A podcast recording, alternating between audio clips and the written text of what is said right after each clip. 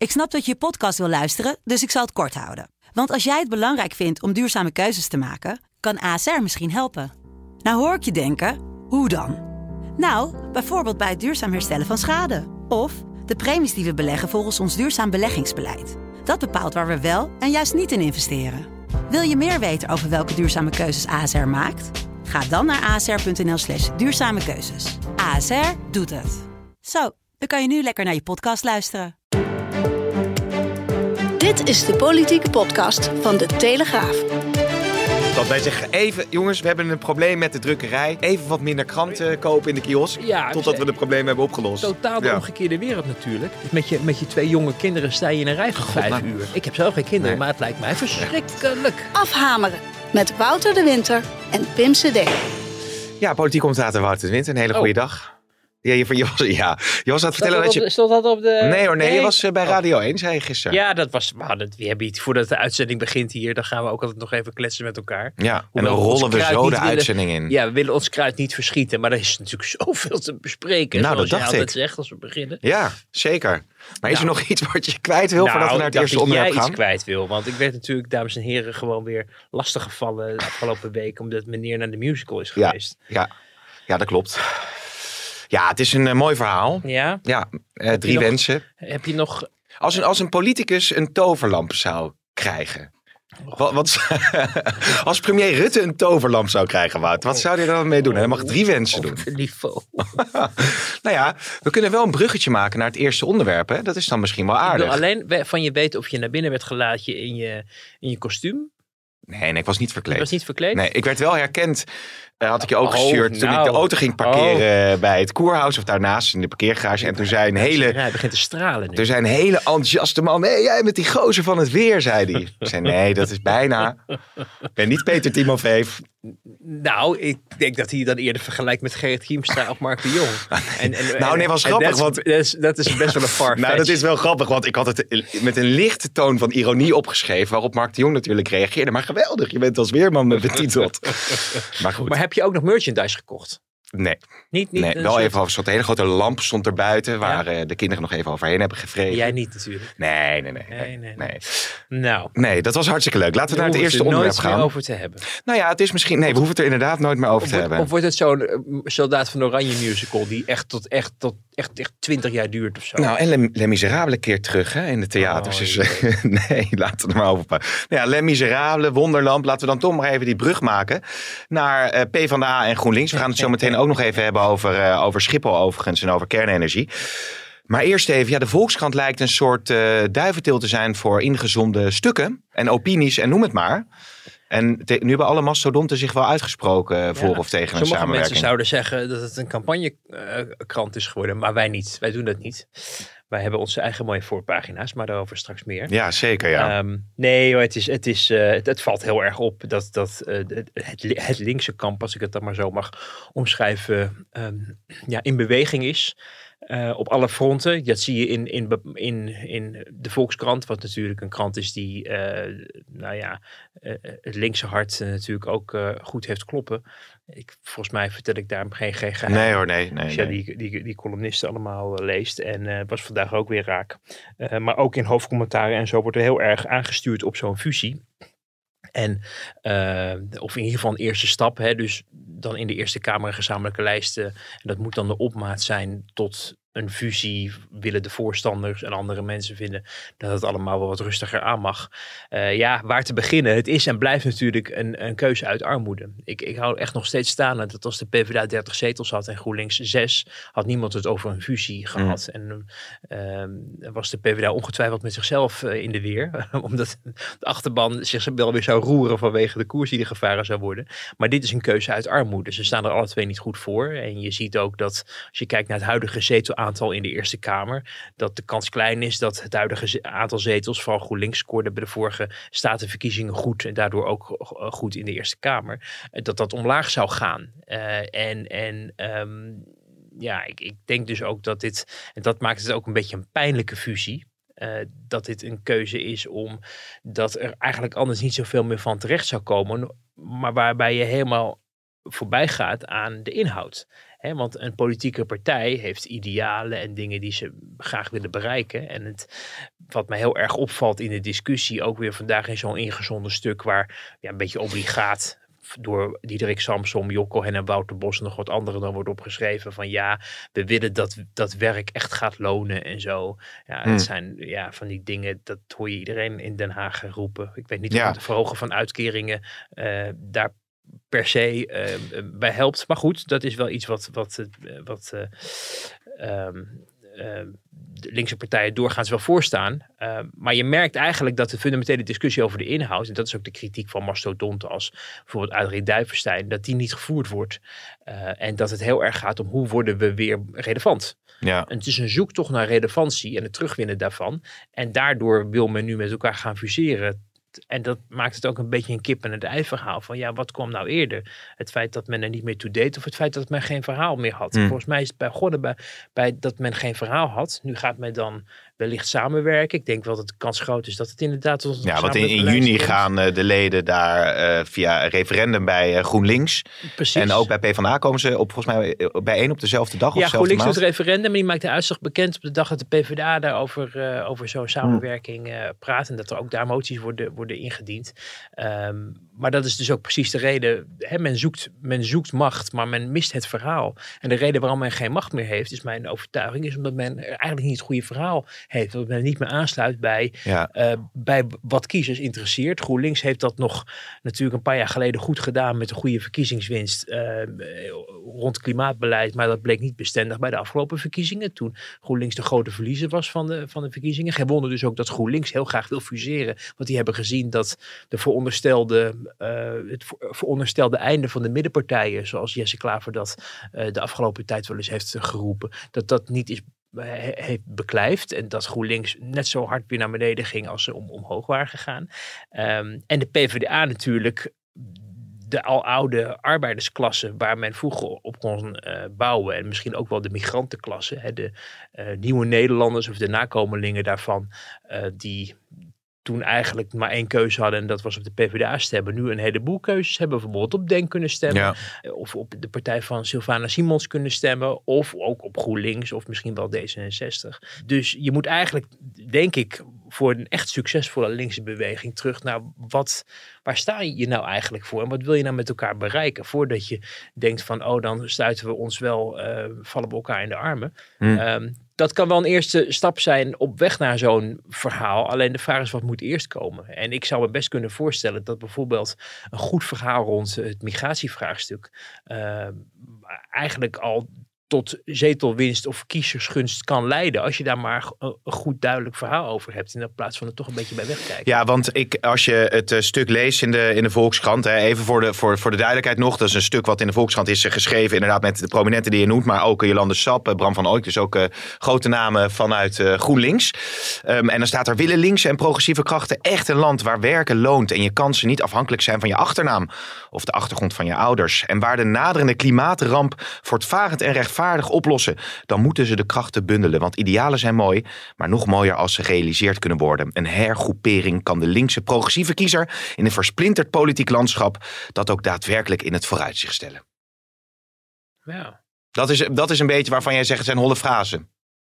Nou ja, het zijn dingen. Wie, wie kan het ermee oneens zijn om te zeggen dat werk moet lonen en dat iedereen een eerlijke kans verdient. En dat natuurlijk de kinderen en de kleinkinderen op een mooie planeet moeten leven. En die boodschap hebben de beide partijen volgens mij wel regelmatig ook geuit de afgelopen jaren. Maar toch zijn de kiezers hmm. daar niet massaal naartoe komen rennen dan. Dus dan moet je misschien toch iets dieper gaan. En dan moet je misschien echt ook pijnlijke keuzes durven maken. Uh, en, en ik denk om migratievraagstuk verschillen uh, GroenLinks en de PvdA erg van elkaar. Um, het radicalisme bij GroenLinks, dat zit natuurlijk ook in die partij ingebakken, is niet hetzelfde als de Partij van de Arbeid, die toch ook wel ja, bestuurlijk is ingesteld. Ja. Um, en, en ook niet zo helemaal aan de, aan de radicale kant hangt. Ook al denk je dat soms wel, maar dat valt in feite wel mee. Ze zijn natuurlijk een partij met heel um, heel veel bestuurlijke ervaring. Ook in de landen, hè? dus niet alleen de, in, in, in Den Haag, maar ook in allerlei gemeenteraden, provinciebesturen, uh, burgemeesters ze. leveren ze. Denk bijvoorbeeld aan Abu Taleb in, in Rotterdam of Dijksma in, in Utrecht. Ja. Marcouche in Arnhem. Allemaal mensen die, ehm, waarvan niemand twijfelt of, het, of hun linkse hart wel op de goede plaats is. Ehm, maar die ja, niet een, ehm, volgens mij per se nu heel erg voor oplopen om Hmm. deze hele fusie te, of deze opmaat naar die fusie eh, te applaudisseren. Misschien dat het gaat veranderen. Ik heb ze alle drie in ieder geval nog niet gehoord. Dat viel mij zo op. Als je dat bijvoorbeeld vergelijkt met, eh, met eh, Wouter Bos, Job Cohen en, en Diederik Samsom. Waarvan Wouter Bos wel echt succesvol is geweest. Maar Diederik Samsom en Job Cohen natuurlijk het uiteindelijk ook uit hun handen hebben zien Ja, maar ook Frans Timmermans, Marjolein Moorman, die hebben natuurlijk eerder ook al zo'n stuk ingezonden. Maar ook weer met vooral de boodschap, we moeten de macht weer terugwinnen. En niet zozeer het inhoudelijke verhaal. Ja. Dat was toen ook de kritiek op die brief van Timmermans en Moorman. Heel erg gespitst op, het maakt eigenlijk niet uit als we maar weer de, als we maar Ja. weer de baas worden. Maar het lijkt ook wel alsof ze zetels gaan optellen. Dus dat, dat een beetje de hopen staat dat nou ja, de PvdA heeft zoveel zetels, eh, de, de GroenLinks zo. Nou, als die nou samen gaan, dan telt het op. Maar het Ja. kan natuurlijk ook een implosie eh, tot gevolg hebben. Dat als je gaat Nou. samenwerken, dat je misschien het totaal aantal haalt van een van die partijen. Dat, dat, dat kan en het is voor, voor eh, GroenLinks aantrekkelijker dan de PvdA. Want de PvdA heeft wel echt een basis bij GroenLinks. Dat je ziet hoe snel er acht of zes zetels verdwenen van die veertien die ze bij de verkiezingen van 2017 eh, eh, hadden gehaald. Ehm, maar ook een positief punt dan benoemen over zo'n m- mogelijk eh, samenwerkingsverband, fusieavonturen, wat dan ook. Dat de kiezer wel in beweging is ge- geweest en getoond de afgelopen jaren. Zijn natuurlijk ook heel erg veel mensen afgehaakt. Moet je ook niet eh, onderschatten dat dat ook tot de huidige resultaten leidt. Bijvoorbeeld wat we laatst eh, zagen ook bij de gemeenteraadsverkiezingen. Dat het dus ook een vertekend beeld kan geven over de stemming in het land. Mhm. als mensen hun stem niet laten horen, weet je niet wat ze er eigenlijk van vinden. Maar kunnen we voorzichtig concluderen dat ze dus aan het afhaken zijn. En zich dus niet vertegenwoordigd voelen. Dus ik weet niet of dan meer van hetzelfde eh, veel soelaas gaat bieden.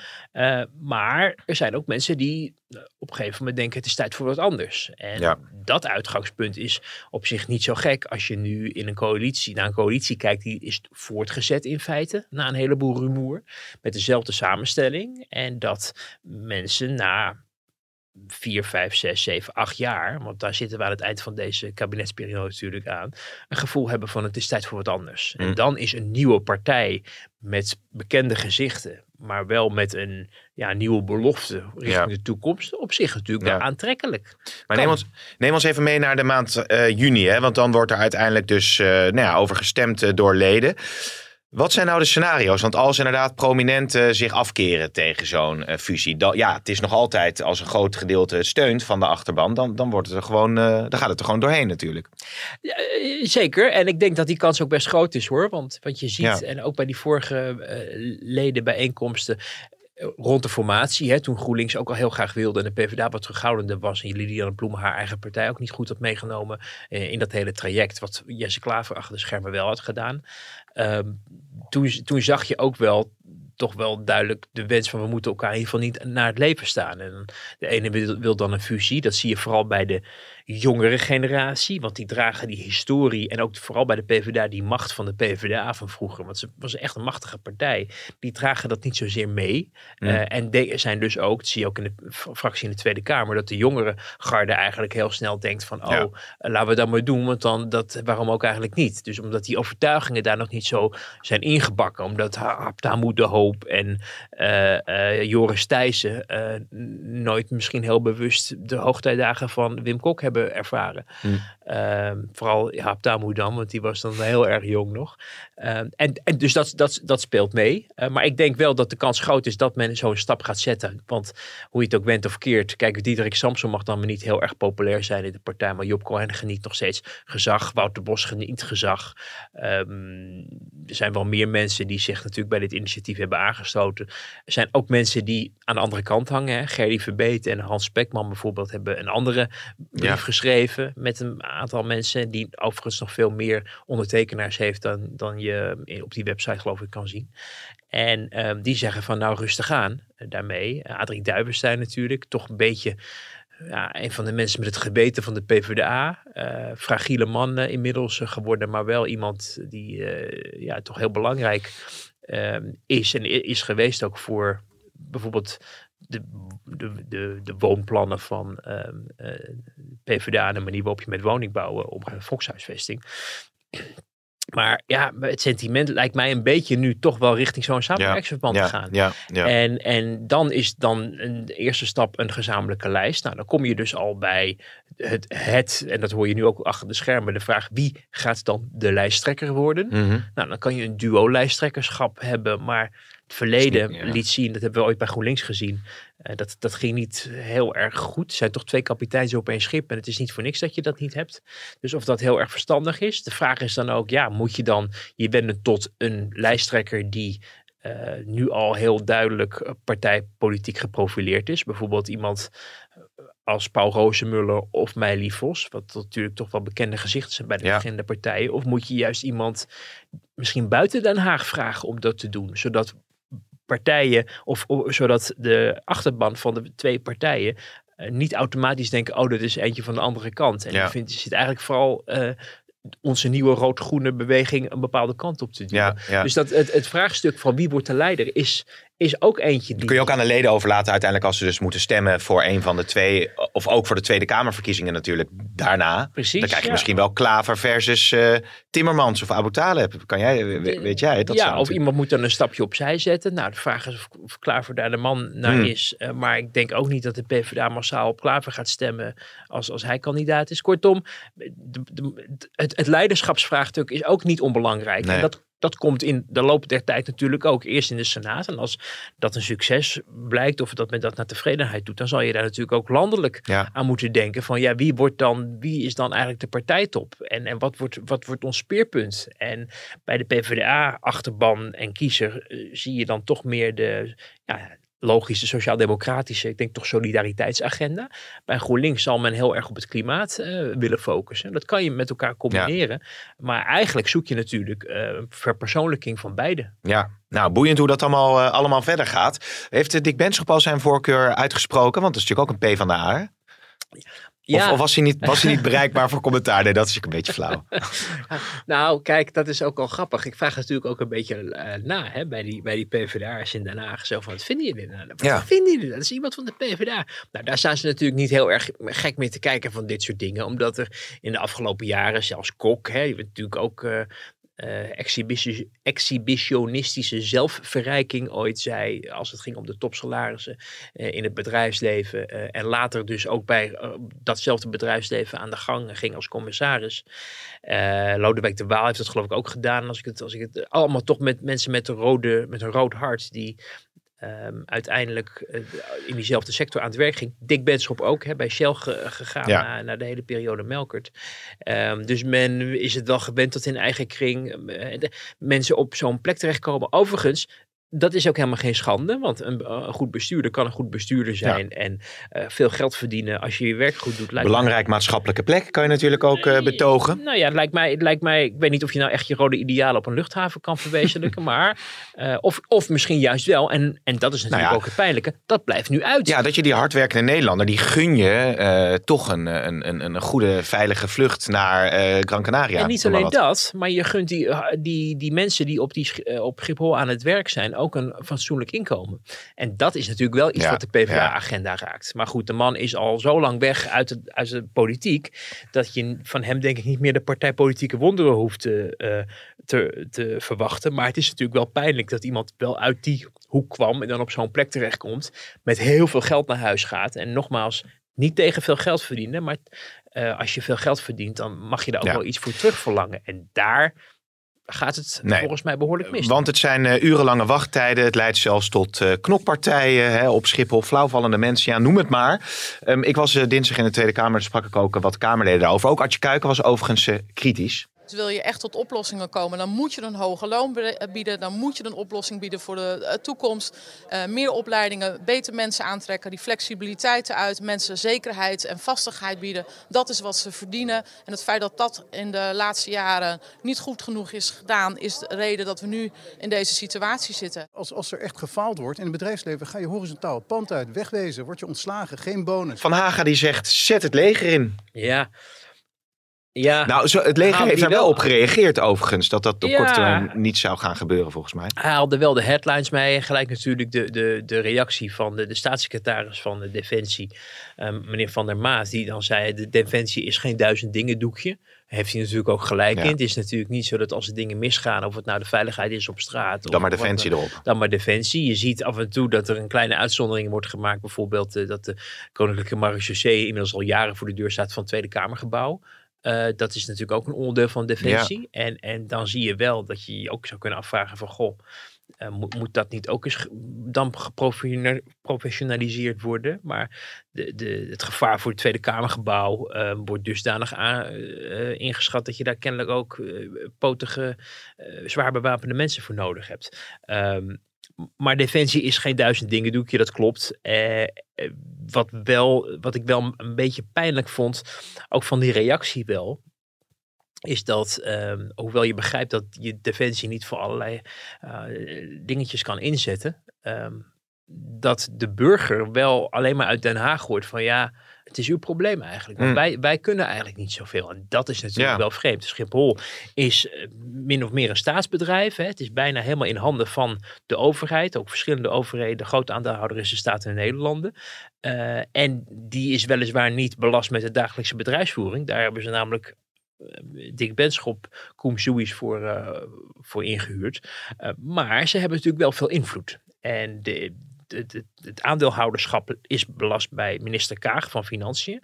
Eh, maar als het gaat om de infrastructuur en de vervoersstromen en eh, eigenlijk toch de, de manier waarop ehm, mensen zich kunnen verplaatsen vanuit die luchthaven en eh, de organisatie daarvan, dan kijk je dus naar de minister van Infrastructuur, Mark Harbers Ja. die dan zegt dat hij er bovenop zit, maar kennelijk niet in de gaten had dat de, de, de, de baas van Schiphol eigenlijk vooral buiten Schiphol zich begeeft. Of hij nou in Davos is of in Washington of in Porto. Ja, want hij werd gelauwerd, hè, geloof ik. Hij kreeg een prijs vanwege goed, goed bestuurs, eh, businessmodel, eh, be- leiderschap. Dat je denkt, nou, hebben ze toch niet heel erg goed opgelet daar in het selectiecomité. Maar ook heel pijnlijk. Dus dat de man op het moment dat het al helemaal aan de klauwen aan het lopen is. Hè, want als één keer een weekendje iets misgaat, begrijp je van, oh, misschien een verkeerde inschatting. Ja. Misschien zijn er veel zieken, misschien dit of misschien dat.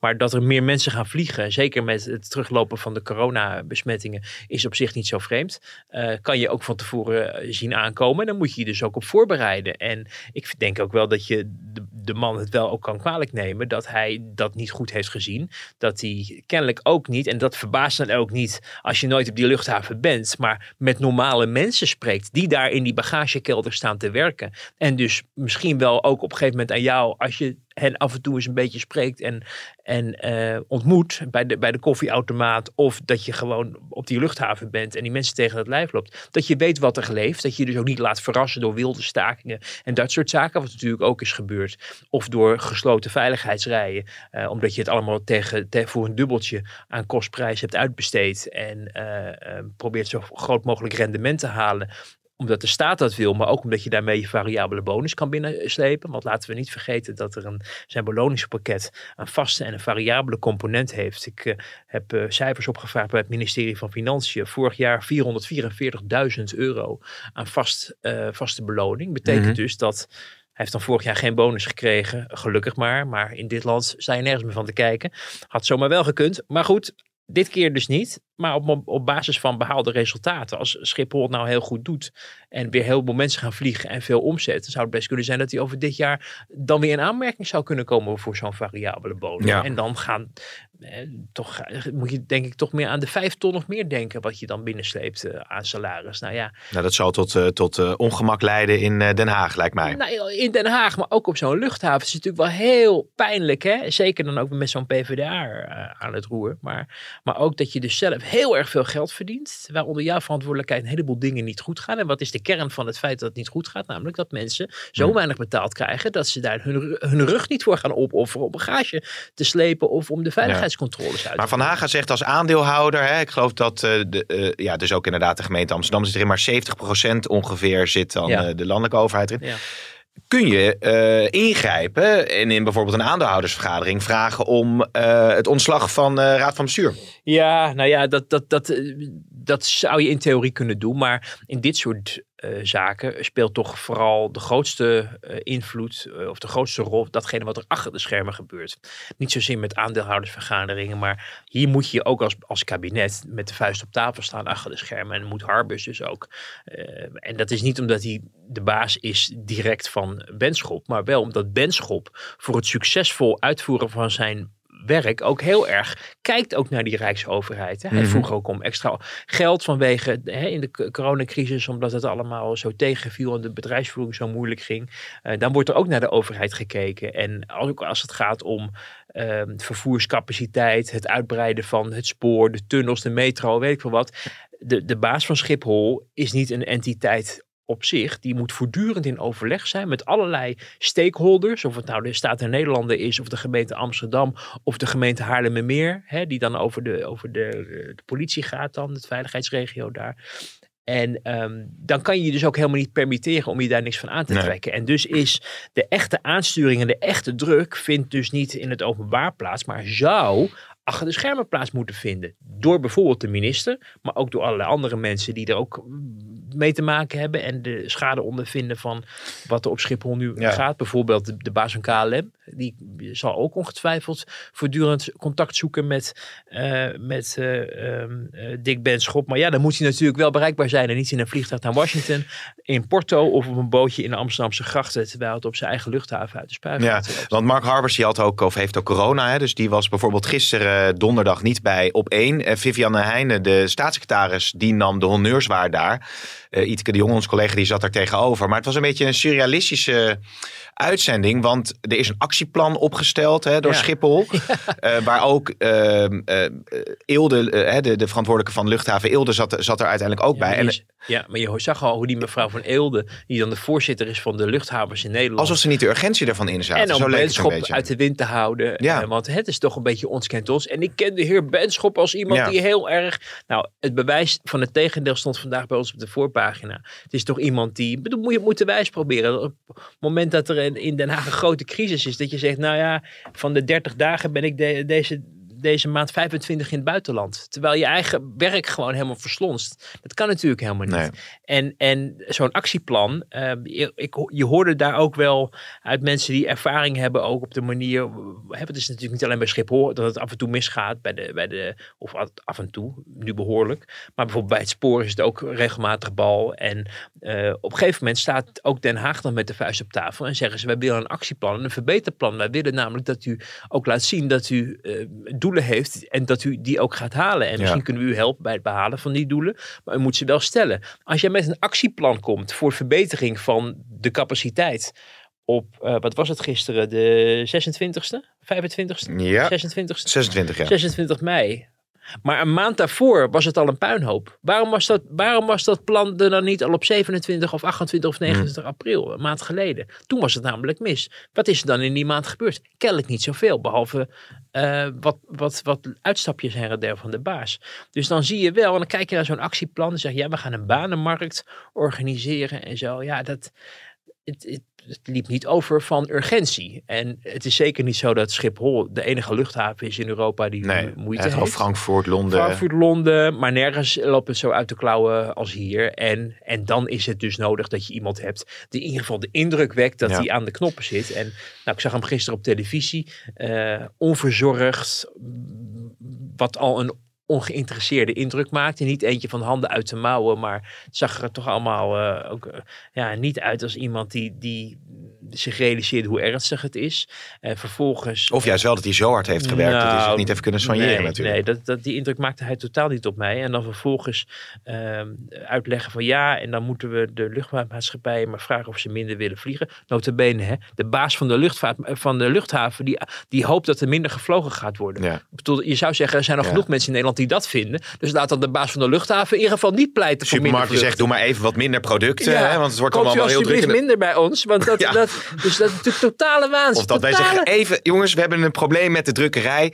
Even wat minder kranten kopen in de kiosk. Ja, totdat dus- we het probleem hebben opgelost. Totale, Ja. omgekeerde wereld natuurlijk. Eh, en dan ook dat in die quote zo van ja, nou ja, maar ja, de, de luchtvaartmaatschappij staat daar niet om te springen. Beetje lacherig, weet je, alsof het, Ja. een, alsof Die het allemaal grappig is. Die terwijl, natuurlijk financieel onder grote druk staan. Zo. Ook dolblij zijn dat ze weer kunnen vliegen. Zo, en, en, en, en, dus die, dus, en die maatschappijen die moeten er weer bovenop komen, wat je ook begrijpt. En niet alleen dat, de reizigers in Nederland twee jaar lang, eh, je, je hoort ook echt de verhalen van mensen in de rij, die staan daar ook te vertellen van ja, we zijn we- we- de eerste keer in twee jaar dat ik weer eens eh, de- de- het land uit mag. En dan ga je met, of kan, en dan ga je dus met je, met je twee jonge kinderen sta je in een rij van God, vijf nou, uur. Dan dat moet je toch niet, ik heb zelf geen kinderen, Nee. maar het lijkt mij verschrikkelijk. Ja, nee. En, en, en, dat is, en dat is dus wat ik, want dan moeten we toch Ook zonder kinderen is dat ook al verschrikkelijk ja, is dat natuurlijk. ook. Ja. Maar dan gaan we toch weer terug naar Den Haag.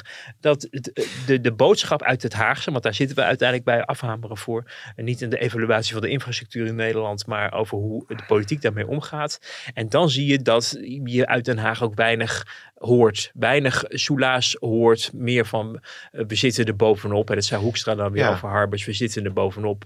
Ehm, en, en, en, en dat is dan dat. En daar moeten we het dan mee doen. En defensie is niet beschikbaar. En dan merk je een sentiment wat niemand echt durft uit te spreken. Maar wat je wel in Den Haag natuurlijk heel erg merkt. Namelijk dat luchtvaart Ja, een sentiment is waar, waar in ieder geval de helft van de Kamer niet zoveel meer mee heeft. En denkt van nou laat ze hun eigen graf maar graven. Weet je, als nu er een roep ontstaat van gaan maar minder vliegen. Dat is precies de politieke agenda die een aantal partijen eh, aan de, vooral de linkerkant van het politieke spectrum natuurlijk heeft. Dus Ja. dit is een koren op de molen. Dus die gaan niet protesteren van het moet, Schiphol moet wel functioneren. Want als Schiphol dysfunctioneert krijg je een discussie. Vandaag al gelijk op de voorpagina van de diezelfde Volkskrant, waarom weer. vliegen we niet Want minder? we vliegen nog steeds, want het is allemaal te goedkoop. Dus je ziet dat daar ook een heel ja, duidelijke politieke keuze gemaakt wordt om er eh, geen drama van te maken of ophef over te maken. Terwijl de Tweede Kamer toch niet verlegen zit om, om haar woordje te spreken over dingen Ja. die, die haar niet eh, be- bevallen. Ehm, en ja, wat, wat mij dan heel erg opvalt, is dat je, eh, je zag op een gegeven moment in die eerste golf van wachtrij een maand geleden, die Daniel Koerhuis van de VVD dan bij op één daar een punt van maken. Daar zou worden misschien wat ongelukkig of dramatisch koos, terwijl je het eigenlijk veel zakelijker had moeten aan, aanvliegen. En dan vervolgens van zo'n tafel eh, tegen, tegengeworpen krijgt, ja, maar in Oekraïne is het veel erger. Ja, als dat de maat der dingen wordt, ja, in een oorlogssituatie eh, gaan mensen dood. Dus waar heeft u het nou eigenlijk Ja, over? ja. En daar liet hij zich ook een beetje door afbluffen. Koers werd een beetje weggehoond. Hè? Die, die, ook door Paternotte overigens dinsdag in het filmpje dat ik nam. Oh, had Koerhuis weer Ja, het idee om, eh, om andere luchtvaart, eh, eh, luchthavens te openen. Terwijl. Koerhuis eigenlijk zei van nou Eelde of andere luchthavens hebben hun eigen personeel wel op orde. En die bieden aan om dan maar wat vluchten over te nemen. Ja, dat was ja, eigenlijk het punt. Het belachelijk maken dan. En dan daar, dat zorgt natuurlijk ook weer voor andere terughoudendheid van partijen die wel misschien een punt van willen maken. Omdat, ja, voor je het weet, wordt, je, wordt het uit zijn verband getrokken en ben je een soort koerhuisvolger of zo. Eh, terwijl je moet het gewoon zakelijk aanvliegen. De, de, Hey. Het is een staatsbedrijf. Ja. Aanvliegen, ja, hey. hey maar er is een, er is een eh, ik heb toevallig nu een ticket geboekt voor, eh, voor Oostenrijk, voor het staatsbezoek, waar ik verslag van mag doen eind juni. En dan kijk je naar de specificatie van, van zo'n ticket. Hè, los van de ticketprijs en de verplichte 1 euro biobrandstof die we kennelijk nu moeten betalen. staat er ook echt iets van vier toeslagen voor luchtvaart of luchthavenserviceverlening. Dat ik denk, Oh, nou, ja. kunnen we dat geld terugkrijgen? Ja. Ergens. Want het kan Nou, toch niet dus- echt zeggen dat daar eh, ten eerste dat die service verleend wordt. En als die verleend wordt, wordt die in hele beperkte vorm verleend. Daarom staan mensen er zo lang voor in de rij. Zou je zeggen, dan bespaar je geld. Wat gebeurt er met dat geld? Je geeft het niet uit aan de beveiligers, want die zijn er niet. Nee. Dus, dus ehm, ja. Ja, het, is een, het is een boeiend dossier in ieder geval. Maar- ik hoor, je hebt met elkaar Nou, nee, nee, helemaal niet. Maar ik wou nog even naar Harbers ook. Want ehm, kun je hem voor mij duiden? Want, want hij komt wel op een belangrijke post weer eh, terecht. Hij zat Nou, niet. Nou ja, dat blijkt nu maar. nou, het, Maar Hoe wordt hij Ja. gezien in, in het VVD-kamp en door Rutte? Het ministerie van Infrastructuur is een, eh, het is wel een van de grote ministeries natuurlijk. Hè, van de kerndepartementen, maar het is niet... eh, Ja, maar vroeger kon je lekker de spade in de grond doen als er weer een nieuwe snelweg werd geopend. Ja, dat, maar goed, dat was ook bedoeld om te laten zien dat je relevant was als minister. Ehm, want in feite, met alle grote beslissingen, doe je eigenlijk niet Nee. heel erg mee. Je, het kan alleen interessant worden inderdaad nu met zo'n vervoersinfarct. Eh, maar voor de rest, ik geloof dat ze nog wel meekijken af en toe met veiligheidszaken. Omdat de vitale infrastructuur van bruggen, tunnels en zo eh, potentiële doelwitten zijn. Voor terrorisme bijvoorbeeld. Maar voor de rest is het ministerie van Infrastructuur niet het, eh, waar, die action is, zullen we maar zeggen. Hmm. Eh, en is het ook, wordt het ook op zich. Het is de afgelopen jaren af en toe wel politiek verkeerd afgelopen voor mensen. Bijvoorbeeld Wilma Mansveld destijds. Maar in principe zou je er niet al te veel ongelukken hoeven te maken. En Harbers is gewoon beloond voor trouw. Die man is vooral goed achter de schermen. Daar heb je er trouwens verdacht veel van de laatste tijd bij de VVD. Eh, niet zozeer voor de schermen. Eh, een beetje mediaschuw ook. Ehm, natuurlijk geen succes gemaakt van zijn, eh, zijn staatssecretariaat van asielzaken. Had Ja. er ook niet zoveel mee. Eh, deed dat wel, maar werd ook door bedreigingen en, en die druk. Dat, op een gegeven moment heeft hij gewoon gezegd van dit, eh, dit wil ik niet meer. Dit kan ik niet meer uitleggen. Is vervolgens in de Kamer ehm, weer terechtgekomen en deed werk achter de schermen voor de VVD. Ook als financieel geweten. Vaak heeft daar veel verstand van. Helpt daar dus ook mij. Schijnt bij ook Rutte. En hij is gewoon, hij wordt ministeriabel geacht eh, door Rutte, kennelijk. En door destijds ook Christiane van der Wal, natuurlijk, de toenmalige partijvoorzitter. En eh, mag dus, ehm, krijgt er eigenlijk een soort herkansing. Eh, ik denk wel het laatste rondje langs mijn hand. Ehm, maar goed, hij zit daar. Hij heeft corona. Nou, dat kan je. Dat is natuurlijk lullig. Benschop had ook corona, hè? ja, ja, ja, ja, Nou ja. geloof- ja, nou goed. Ehm, ik heb ook trouwens in maart corona gehad. eh, en dan, dan was je één dag, voelde je niet lekker. En de rest van de dagen moest je gewoon binnen zitten. Omdat dat moest van de voorschriften, zou ik maar zeggen. Dus je moet ook wel een beetje relativeren. Wat ik ook begrijp. ehm, ook uit de persconferentie van Hoekstra van afgelopen woensdag. Die de minister-president verving. eh, want die was in Davos. Dat Hoekstra ook zei dat hij voor de persconferentie ook contact had met Harbers. En Harbers er bovenop zat. Mm. Wat ook wel een beetje aangaf dat hij vooral zich aan de regels moest houden. Om nog niet in het openbaar te verkeren. Ja. Maar niet meer dat hij doodziek in bed lag. eh, verplicht Netflix te kijken. Omdat hij geen kant Nee. op kan. Nee. Dus hij was wel min of meer aan het werk, begreep ik. En dat liet ook die Vivian eh, Helder Helder, ja. eh, gisteren ook wel door eh, beschemeren toen ze bij je op één eh, daar het een en ander over zei. Maar goed, ziek is ziek. Eh, maar er zijn, nogmaals, dan komen we weer bij een, oud- een ander punt, 29 bewindspersonen in Rutte 4. Dus als iemand een keer ziek is, dan is Ja. er echt wel iemand anders te vinden die het werk kan doen. Nou, waarvan akte? En zullen we nog even één dingetje beetpakken, namelijk eh, kernenergie. Eh, Mike Muller is volgens mij eh, meegeweest naar Borselen. Waar eh, de VVD toch het gaspedaal wil intrappen. Om sneller door te pakken met, met kernenergie. En dan met name ook Borselen weer ja, daar, daar een volgende, volgende fase in te gaan. Maar dat wil allemaal nog niet zo vlot binnen het kabinet. Nou, je ziet iets heel interessants gebeuren, omdat eh, de VVD natuurlijk al heel lang, eh, in, in, ook in de Tweede Kamer, heel nadrukkelijk zegt dat kernenergie onderdeel moet zijn van eh, het verduurzamings- en van de energietransitie. Hè? Dat je, dat, je kan er eigenlijk niet meer zonder, wil je dat op een geloofwaardige en ook betaalbare manier doen. Je ziet dat sommige partijen dat inmiddels ook wel gaan inzien, omdat als wij van het Russische gas en het Groningse gas af willen. En we willen ook geen, eh, geen kolen verbranden. Ja, waar moet je het dan vandaan halen? We hebben, we hebben niet genoeg aan zonnepanelen en, en windmolens vooralsnog. En misschien wel nooit. Eh, dus je moet daar een oplossing voor zoeken. En de VVD heeft daardoor, eh, en ook met steun van het CDA in het regeerakkoord, voor elkaar gekregen dat een partij als D66 daar eh, een tournure moest maken. En Ja. zich moest conformeren aan, ehm, eh, aan, die, aan die koerswijziging, omdat die partij het niet wilde. En dan zag je in februari in NRC een interview wat ze dan hadden met Rob Jetten, de minister voor Energie en Klimaat. En die ehm, werd toch een beetje geconfronteerd met, goh, u wil dat toch allemaal niet. En kijk eens toch, eh, nu bent u toch door de pomp. En eh, nou, toen zei hij dat, dat, zijn, dat zijn denken veranderd was daaromtrent. En dat, eh, nou ja, hij zit natuurlijk ook in een coalitie, dus dat is op zich logisch. Maar ook in dat interview zegt hij, ik heb het hier nog even voor mij gepakt, we hebben 5 miljard euro gere- gereserveerd, hè, dus voor, voor die kerncentrales. Ik hoop dat we deze kabinetsperiode helder krijgen onder welke Oh ja. voorwaarden centrales kunnen worden gebouwd. Er gaat de komende drie jaar nergens een schop de grond in. Dat is niet reëel. En dan zie je de politicus jetten, eh, niet zozeer de minister, maar echt de partijpoliticus, die toch maar even, Even ook zijn kiezers die misschien de NRC lezen van D66. Van nou, eh, hè, we doen wel alsof we iets doen, maar we doen eigenlijk niet zoveel. Want onder mijn en onder onze Nee. deelname gaat dit niet gebeuren. Eh, en dan een- toch een partijpolitiek puntje scoren. Want hij zegt het is niet reëel. Nou, de VVD zegt het is nu wel reëel.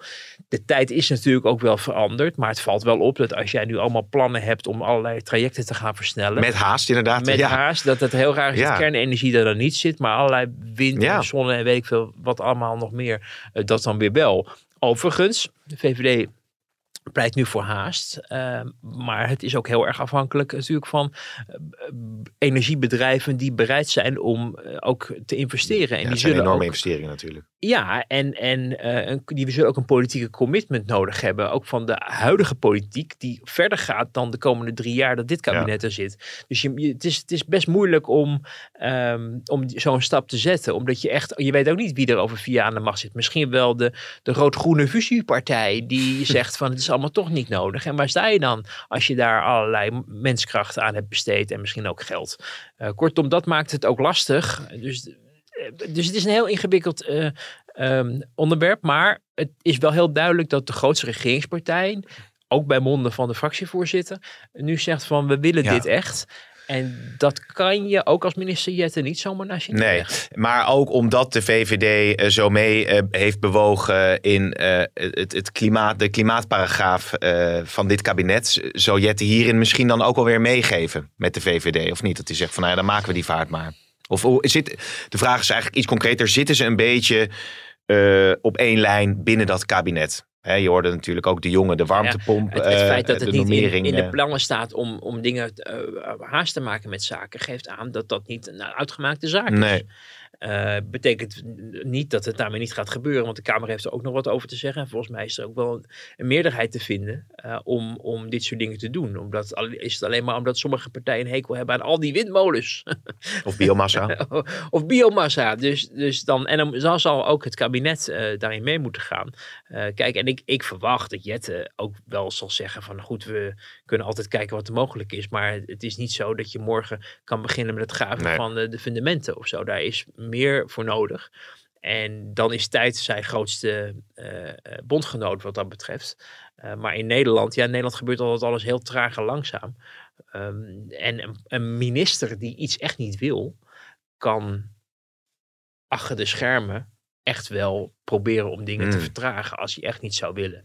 Wat dat betreft viel wel eh, de- heel erg op hoe voortvarend destijds ehm, D66 in het vorige kabinet bezig was om het referendum eh, af te schaffen. Of dat, eh, dat de staatswiet voorstellen die D66 zo belangrijk vonden. Dat, nou ja, Grapperhaus daar wel echt mee aan de slag ging. Maar het is geloof ik nog steeds niet Nee. geregeld. Het gaat nu wel, zeggen ze binnenkort gebeuren. Maar als jij minister bent en je hebt een regeerakkoord en er staat iets in wat je echt, wat je echt niet wil, dan kan jij daar de laagste prioriteit, kan je traineren Ja. en, en kan je zorgen dat er geen onomkeerbare stappen gezet worden. Eh, de vraag is dus, en als je dan zo'n interview leest uit februari van, van Jette, dan zou me niks verbazen als hij er zo in zit. Het kan zijn dat soms ook de werkelijkheid en de actualiteit verandert en eh, nou ja, misschien toch meer mogelijk eh, is en dat ook het denken van de minister verandert. Eh, maar het is natuurlijk niet voor niks dat de fractievoorzitter van de VVD nu op de trom slaat om iets voor elkaar te Ja, krijgen. dat, ja. Is, dat is omdat dat kennelijk binnen kamers in het kabinet niet een vanzelfsprekendheid is. En dat zijn mooie laatste woorden, Wouter. Ik spreek jou volgende week weer. Wil je nog iets kwijt? Vraag dan altijd aan chef voetbal Valentijn Driessen. Dan komt er altijd een heel betoog over, ja, noem het maar. Een voetbalwedstrijd of zo. nou, ik moest, ik moest gisteren een beetje meepraten over Feyenoord eh, in, Oh ja? die, in die Radio Oh. 1-uitzending. En? Wat, Ja. wat, wat, wat, wat- Nou, ik had dus maar gezegd dat het... Het was ook mooi. Je zag blijdschap. Ik heb zelf een vriend die ook voor Feyenoord is. En eh, die was heel blij dat ze eindelijk weer een keer eh, eh, iets, iets te vieren hadden. Überhaupt het feit dat ze zo ver waren doorgedrongen. Dus daar ben je dan heel positief over. Ja. En dan hadden ze een, iemand van Feyenoord hadden ze in de uitzending. of iemand die een fan is. En die zei, ja, want in Amsterdam bij Ajax is het een bende. Waar, waarop ik eruit vloep van, nou ja, volgens mij waren ze wel kampioen geworden. Ja. Want zoveel weet ik er dan weer wel Oh, van. uitstekend. En gelijk uitstekend. weer op Twitter haat, want dat was Echt? schande dat ik dat zei. Dus je ziet, Terwijl je gewoon de feiten opnoemt. ik hou me niet liefst, ik hou me verre van al het voetbal. Dus bedankt voor de vraag. Ik had Ja. het niet willen beantwoorden. Oké, oké, Wouter. Tot de volgende.